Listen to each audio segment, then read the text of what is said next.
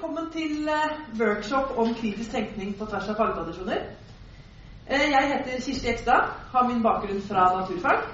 Og med meg så har jeg Tause Birgitte eh, aka Evy Jøsok som sidekommentator. Hun skal si litt, men det er jeg som i hovedsak skal ha denne workshopen. Og eh, Tidligere i dag og forrige gang så presenterte Erik de tre forståelsene av kritisk tenkning i skolen. Vi har den vitenskapelige metoden som har sin bakgrunn i naturvitenskapen. Vi har argumentasjonsanalysen, som har bakgrunn i logikk, filosofi og språkvitenskap. Og kildekritikk, som har utgangspunkt i historiefaget. Eh, men samtidig så er det viktig at vi ikke bare tenker på kritisk tenkning som vi alltid har gjort det. Eh, jeg tror vi kan lære veldig mye av hverandre på tvers av fag. Og det er litt sånn bakgrunnen for denne workshopen her. at Tenke litt over hva vi kan lære av hverandre når vi nå skal gå i gang med arbeidet med eh, fagfornyelsen.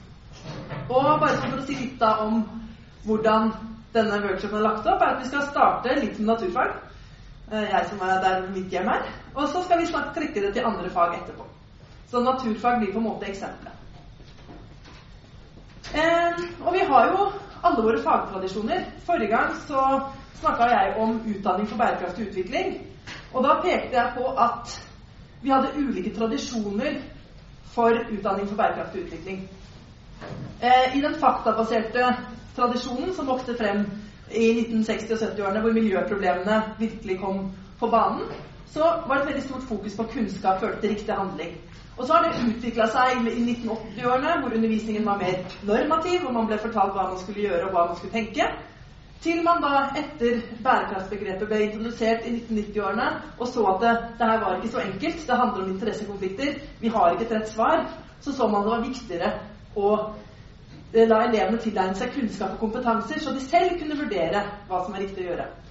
Og da snakka jeg litt om det at eh, forskning viser at eh, naturfagslærere i stor grad har holdt seg til den faktabaserte, mens til motsetning da f.eks. samfunnsfagslærere i stor grad har holdt seg til den pluralistiske undervisningstradisjonen. Eh, og det er heller ikke så rart, fordi eh, vi, forskning viser at eh, vi, når vi underviser, så underviser vi i stor grad som vi selv har lært, eller som vi selv har blitt undervist. Vi lærer ting på, i lærerutdanning, men allikevel, den som påvirker oss mest, er kanskje mattelæreren du hadde i 4. og 5. klasse, eller kjemilæreren du hadde i eh, VG2 på videregående. Det er den som kanskje påvirker mest hvordan man underviser. Eh, men så er jo da målet at vi kanskje prøver å gå litt ut fra dette her.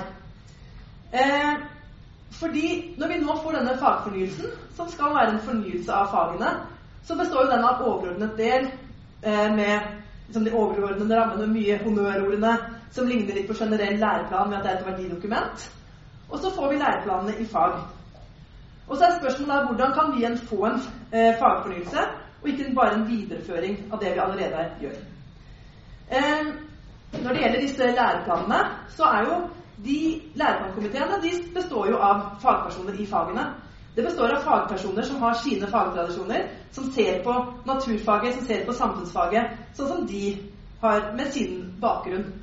Eh, men samtidig, og Det kan jo være utfordrende fordi det er en fare for at det blir det samme. Men samtidig så eh, tilsier alle signaler at kompetansemålene kommer til å bli kjempebreie. Det kommer til å kunne legge veldig mye inn i disse kompetansemålene. Og da tenker jeg at mye av den tolkningen mellom overordna del og læreplaner, det er det dere som er nærme eleven, som kan gjøre. Dere som enten er ledere eller lærere. Så hvordan, hva dere legger i det, kan påvirke mye hvordan undervisningen blir. Eh, hvis jeg skal ta meg selv som eksempel, da, så kan jeg ta en liten sånn ståstedsrefleksjon. Det drev jo dere med i forrige runde. Eh, hva tenkte jeg om kritisk tenkning i naturfag? Og våren 2018 så ville jeg tenkt at kritisk tenkning i naturfag, det er kildekritikk. Jeg stoler mer på en professor enn en blogger. Eh, og det er naturvitenskapelig arbeidsmåte. eller kanskje så vidt tenkt litt på. Liksom forskerspiren. Eh, og det er i tråd med stortingsmelding 28, eh, hvor det da i verdigrunnlaget og under overskriften 'Kritisk tenkning og vitenskapelig tenkemåte' står at opplæringen skal sette elevene i stand til å tenke selv, søke kunnskap og reflektere over og vurdere vedtatte sannheter som ikke alltid er allmenngyldige. Så Der får vi inn den naturvitenskapelige arbeidsmåten og den kunnskapssynet og litt av perspektivene der.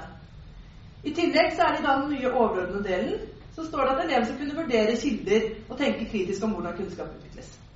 Så Sånn sett så er jo jeg veldig i tråd med styringsdokumentene. Erik og Evy de har snakka om lærerens betydning for eh, kritisk tenkning. Og at for å få kritisk tenkende elever, så trenger vi kritisk tenkende lærere.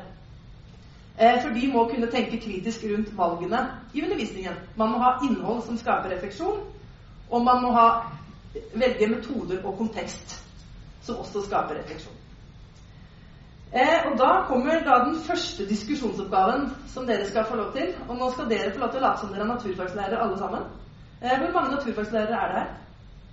Altså Vi har tre, fire, fem, fem stykker. Supert.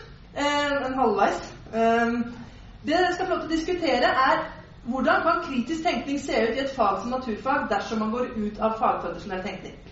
Og da er det noe med at eh, jeg tenker at det er en styrke om dere er norsklærere eller engelsklærere eller religionslærere, fordi dere har det perspektivet utenfra. Dere kan tenke hva, hva slags kompetanse sitter jeg på som jeg kunne tilført naturfaget.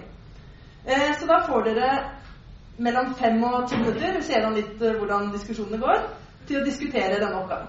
Så da er det bare å ta litt omsorg for de som sitter rundt seg. Så vær så god. Vi går litt videre, for vi skal jo Nå skal jeg jeg snakker litt om mine refleksjoner. da, Litt mer enn uh, Nå blir det litt sånn mine refleksjoner anno 27.2.2019. Eh, og litt sånn for å gå tilbake til eh, kildekritikk og anvende naturvitenskapelig metode, så har vi jo denne berømte Tone, som har vært nevnt eh, flere ganger før i dag. Eh, og at man skal vurdere kilder ut fra troverdighet, objektivitet, nøyaktighet og egnethet. Men så har vi jo da veldig mange eksempler i naturfag på eh, kilder som definitivt oppfyller disse kriteriene, men som kanskje allikevel ikke kan brukes. Bare for å ta et eksempel om global oppvarming. Det er alltid sånn skummelt i en forsamling, fordi det kan være noen klimarealister her. Eh, men hvis vi tenker klimarealistene eh, de, På nettsiden så sier de at de er en partipolitisk uavhengig organisasjon for oss som mener at klima domineres av naturlig variasjon, og som ikke er enig med FNs klimapanel når de påstår at utslipp av CO2 endrer klimaet drastisk. Eh, og i, Blant disse klimarealistene som skriver mye leseinnlegg og sånne ting, så er det da de har et vitenskapelig råd hvor det er 13 professorer. Så 13, I hvert fall norske, muligens noen svenske professorer. Og da er jo spørsmålet, Der har vi noen autoritære kilder. Og når det da kommer en professor fra NTNU eller fra Universitetet i Tromsø eller hvor de jobber, skal, eh, og de, alt, alt stemmer, det, det, blinker jo egentlig ingen varsellamper, bortsett fra kanskje med budskapet deres. Hvordan kan man, hva skal, hvordan skal elevene forholde seg til det?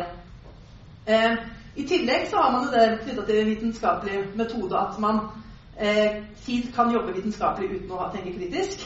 Litt eh, Erik snakka i stad om 'learning by doing', eller John Dewey, da, som er kjent for 'learning by doing'. Og veldig mange siterer han på 'learning by doing', men det man ikke tenker på, er jo han sa 'learning by doing and reflection'. Um, og at det liksom får med det refleksjonselementet. Eh, de to siste tingene jeg skal gå inn på, er jo da innhold som skaper refleksjon, som Evy har vært innom før i dag, og Erik også. Og argumentasjon, hvor norsklæreren eh, Margaret har hatt sine bidrag. og det har dere vært innom allerede. Innhold som skaper refleksjon i naturfag. Vi har ekstremt mange av dem. Vi, har, vi kaller de sosiovitenskapelige kontroverser. Eh, og bærekraftsproblemstillinger er jo et eksempel på sånne. Hvor du har da problemstillinger med mangel på fasitsvar, og som krever kunnskap, både kunnskap om naturvitenskap og samfunnsvitenskap. Så det holder ikke bare med naturvitenskapelig kunnskap for å si hva, finne en løsning. Og så må man ta et valg basert på faglig forståelse og personlige verdier. For til syvende og sist, det er gode argumenter på begge sider. Hva velger jeg å gjøre? Sadler han er en eh, forsker som har jobba veldig mye med disse sosiovitenskapelige kontroversene. Og han har en firtrinns beslutningsprosess som han mener da kan være fin å, å jobbe med. Eh, hvor trinn én er å gjenkjenne den iboende kompleksiteten. Sant? Hvorfor er dette komplekst? Eh, kan, og det handler litt om sant, disse klimarealistene. Hvorfor har de et De har et motargument, og de har jo forskning på en måte som Eller de har jo i hvert fall argumenter som støtter dette motargumentet til FNs klimapanel. Eh, og det å utforske da, disse kontroversene fra, fra, flere perspektiver det anerkjenner at kontroversen er gjenstand for forskning, og viser skepsis ved mulig partisk informasjon rundt kontroverser. Og Det kommer vi litt tilbake til. Eh, men dette stemmer jo veldig godt med det Evy snakka om sist, med perspektivmangfold og det å avdekke premissene som ligger der, og putte det i en samfunnsmessig kontekst. Knytta til eh, Børhaug Christoffersen og Schjelderup og Lind. Og Hvis vi da tenker ok, hvilke sosiovitenskapelige kontroverser har vi, så har jeg jo allerede sagt at det med bærekraftig utvikling er fullt. Eh, jeg snakka om eh, plast sist. Jeg snakka om snakka også om mat, eh, matmangel. Eller og, ja, at man kaster for mye mat. Eh, i, nå i januar så har det kommet en stor ny rapport, som er en synteserapport, en review, som er gjort eh, og publisert i tidsskriftet Biological Conservation. Og De peker på at insekter er i ferd med å bli utrydda. Og det er jo veldig kritisk, fordi de bidrar til pollinering, eh, og dermed eh, for vår mat. Men også at de er en del av næringskjeden. Hva vil skje hvis myggen blir utrydda? Så den er plagsom, men noen spiser myggen. Eh, Hva vil skje videre oppover der? Og I Norge så er det 1163 insektarter som er trua bare her. Og Årsaken til dette her, for det er der kontroversen kommer inn, det er landbruk, utbygging, fremmede arter og klimaendring. Og Spesielt det som er knytta til landbruk og utbygging, er jo, der tar jo vi våre valg. Hvordan landbruket drives, hvordan eh, landbruket subsidieres, eh, hvordan eh, vi bygger ut. Eh, det er på en måte våre valg, eller våre politikers valg. da. Eh, så her har vi den en interessekonflikt som ligger mellom da utbygging og det å drive mest mulig effektivt landbruk, og det med insektenes behov. En annen kontrovers er da global oppvarming. Kuer som miljøverstinger. Det kommer jeg litt tilbake til etterpå. Rovdyrdebatten. Vil vi ha ulv? Hvor mange ulv vil vi ha? Er det forskjell om du bor i Hedmark og ulven tusler gjennom hagen din, eller om du bor på Alexander Kiellands plass i Oslo? Om hva du mener om dette? Energikilder. Olje som energikilde. Der har vi ulike perspektiver. I et norsk perspektiv så kommer det økonomiske veldig inn. For hva hva er konsekvensene for Norge hvis vi stopper å lete etter olje? Ehm, kan man si at eh, vi gjør det mer bærekraftig enn mange andre land, så derfor skal man forsvare det, for oljen trenger man uansett? Eh, mange perspektiver der. Ehm, kjerneenergi. Det er også en ting som folk tenker er veldig fy-fy.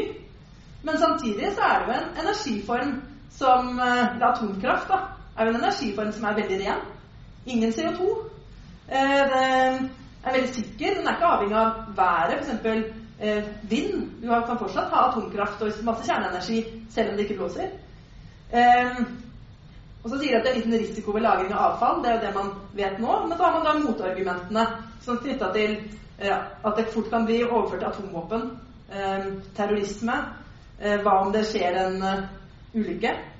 Eh, og hva hvis vi graver ned avfallet. Eller hva er liksom helserisikoen ved å grave ned det? Hva tenker man om 50 år på måten man behandler atomavfallet på? Så det er jo én ting. Vi kan også ha de mer nære problemstillingene som ble tatt opp her. Det med de bioteknologiske. Sånn skal vi tillate gentesting og fostervannsdiagnostikk. Um, man har jo flere tilfeller med IVF, eh, prøverørmetode, hvor du da kan hvis du har en arvelig sykdom, så kan man da velge ut det embryoet som ikke har den arvelige sykdommen. Eh, eggdonasjon. Det er jo politisk debatt. Fordeler og ulemper med eggdonasjon. Eller skal man være for ulemper? Vi snakker heller med skal vi være for eller imot. Litt det der som sier at en biologisk mor er den som har født barnet, men når den som føder barnet, ikke har, når det ikke er dens egg, er det da etisk? Eh, fosterreduksjon har vært i debatten. Genmodifisering. Så her har vi ekstremt mange problemstillinger som kan engasjere. Man da, og da kan man velge de som, kanskje som interesserer elevene sine når man kjenner klassen sin. Eh, jeg har jo da undervist naturfag i videregående, og i utgangspunktet som kjemiker så syns jo jeg Jeg har mye, jeg har mye uh, fag i kjemi, og jeg har mye fag i fysikk. Veldig lite biologi. Så det gjør at jeg syns jo da kanskje at biologi i utgangspunktet ikke er så morsomt å undervise sammenlignet med kjemi og fysikk, for jeg kan mye mer. Men akkurat det der med mitt favorittema å undervise naturfag VG1 er bioteknologi. Fordi man kan få så mange spennende diskusjoner. Man kan, man kan slippe den der, alle disse faktakunnskapene. Man kan bare ha mors morsom undervisning, man kan ha debatter, man kan gjøre så mye artig. Og det, og det er så mange flere som blir engasjert enn om radioaktiv stråling, f.eks. Altså, det er litt trist, men uh, sånn er det. Et annet eksempel er jo da kostholdsråd og dietter. Uh, Jusdietten skal man høre på Norges jusdronning, som sier at det er viktig fordi kroppen trenger uh, detox og bli kvitt giftstoffene, og det kan man gjøre ved å drikke jus, og bare drikke jus. Eller skal man høre på legen som mener at vi har en lever som, med, som gjør at kroppen kvitter seg med giftstoffer, så vi trenger ikke en diett for å gjøre det. Og da en ernæringsfysiolog som peker på at uh, hvis du bare lager jus av det, så mister du ekstremt mye næringsstoffer, du mister vitaminer, du mister fiber og alle de tingene der. Eh, og jo, Dette her kan jo da knytte til argumentasjon. Det blir metoden. Det å, At elevene kan jobbe med å påvirke, overbevise og få noen til å innta standpunktet. Sånn, det der med å jobbe med de tre argumentene etos, eh, patos og logos For etos blir på en måte jeg som snakker. Patos er de eksemplene jeg velger for å påvirke dere. Og logos er selve saken. Og eh, Margaret snakka sist også om sterke argumenter. Hva er et sterkt argument? Jo, det er relevant, det er akseptabelt og tilstrekkelig.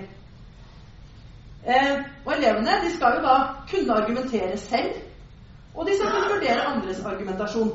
Og så kan man jo jobbe med eh, utvikling av at de selv kan begrunne egne standpunkt, imøtegå med motargumenter osv. Og så er det ikke sikkert at man skal bruke ordene etos, logos og patos som eh, alltid, men man kan allikevel fokusere på innholdet i dem. Eh, og da skal jeg ta et eh, naturfaglig eksempel. Det blir litt sånn fagpåfyll, dette her. Eh, men for å ta ett eksempel knytta til argumentasjon, da, så skal jeg ta utgangspunkt i EAT-rapporten, som ble lansert i januar. Det er den som eh, Gunhild Stordalen hennes Foundation lanserte, i forhold til da hva som er en sunn diett produsert i et bærekraftig matsystem. Og I denne rapporten så er det da kuene som får lide, og de blir ansett som da de store eh, miljøverstingene. Og da kan man jo diskutere det i forhold til logos, da, i forhold til saksargumentet. Stemmer det at de bidrar så mye til eh, til, økt, til global oppvarming pga. metangassen de da raper ut? Eh, eller stemmer det, som i denne filmen her, som vi ikke skal se, men som, handlet, som snakker om at eh, metan er jo en del av det naturlige karbonkretsløpet. Sånn at når kuene raper ut metan, så det, blir jo det gjort om til CO2. Og CO2-en blir igjen tatt opp av gress, som kuene spiser, og så har vi bare et kretsløp. Men så er dette veldig mye mer komplisert, fordi metan er en veldig kraftig drivhusgass. Eh, det er mange aspekter her, så det er ikke så lett å komme opp med et fasitsvar. Så det er jo derfor man diskuterer dette.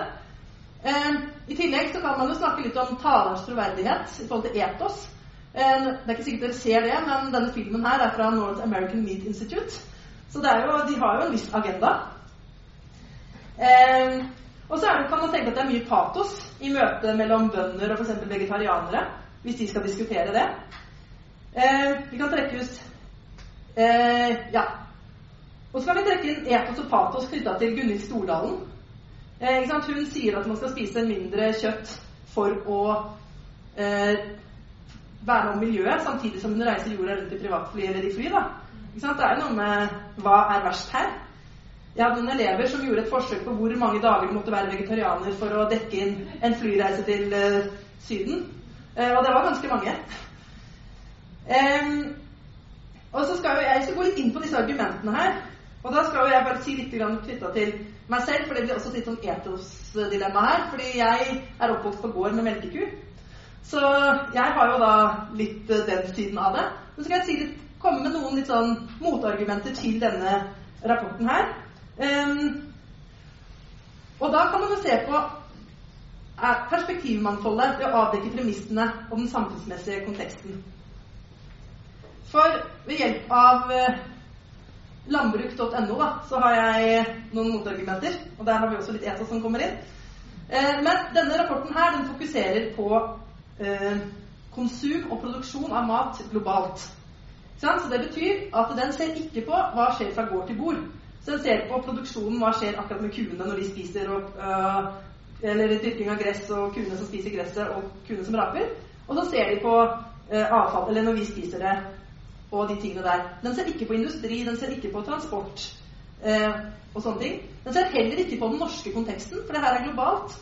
Eh, og her har vi da et avisoppslag fra landbruk.no som sier Vil du spise mat som er bra for helsa, dyr og planeten, bør du spise norsk mat.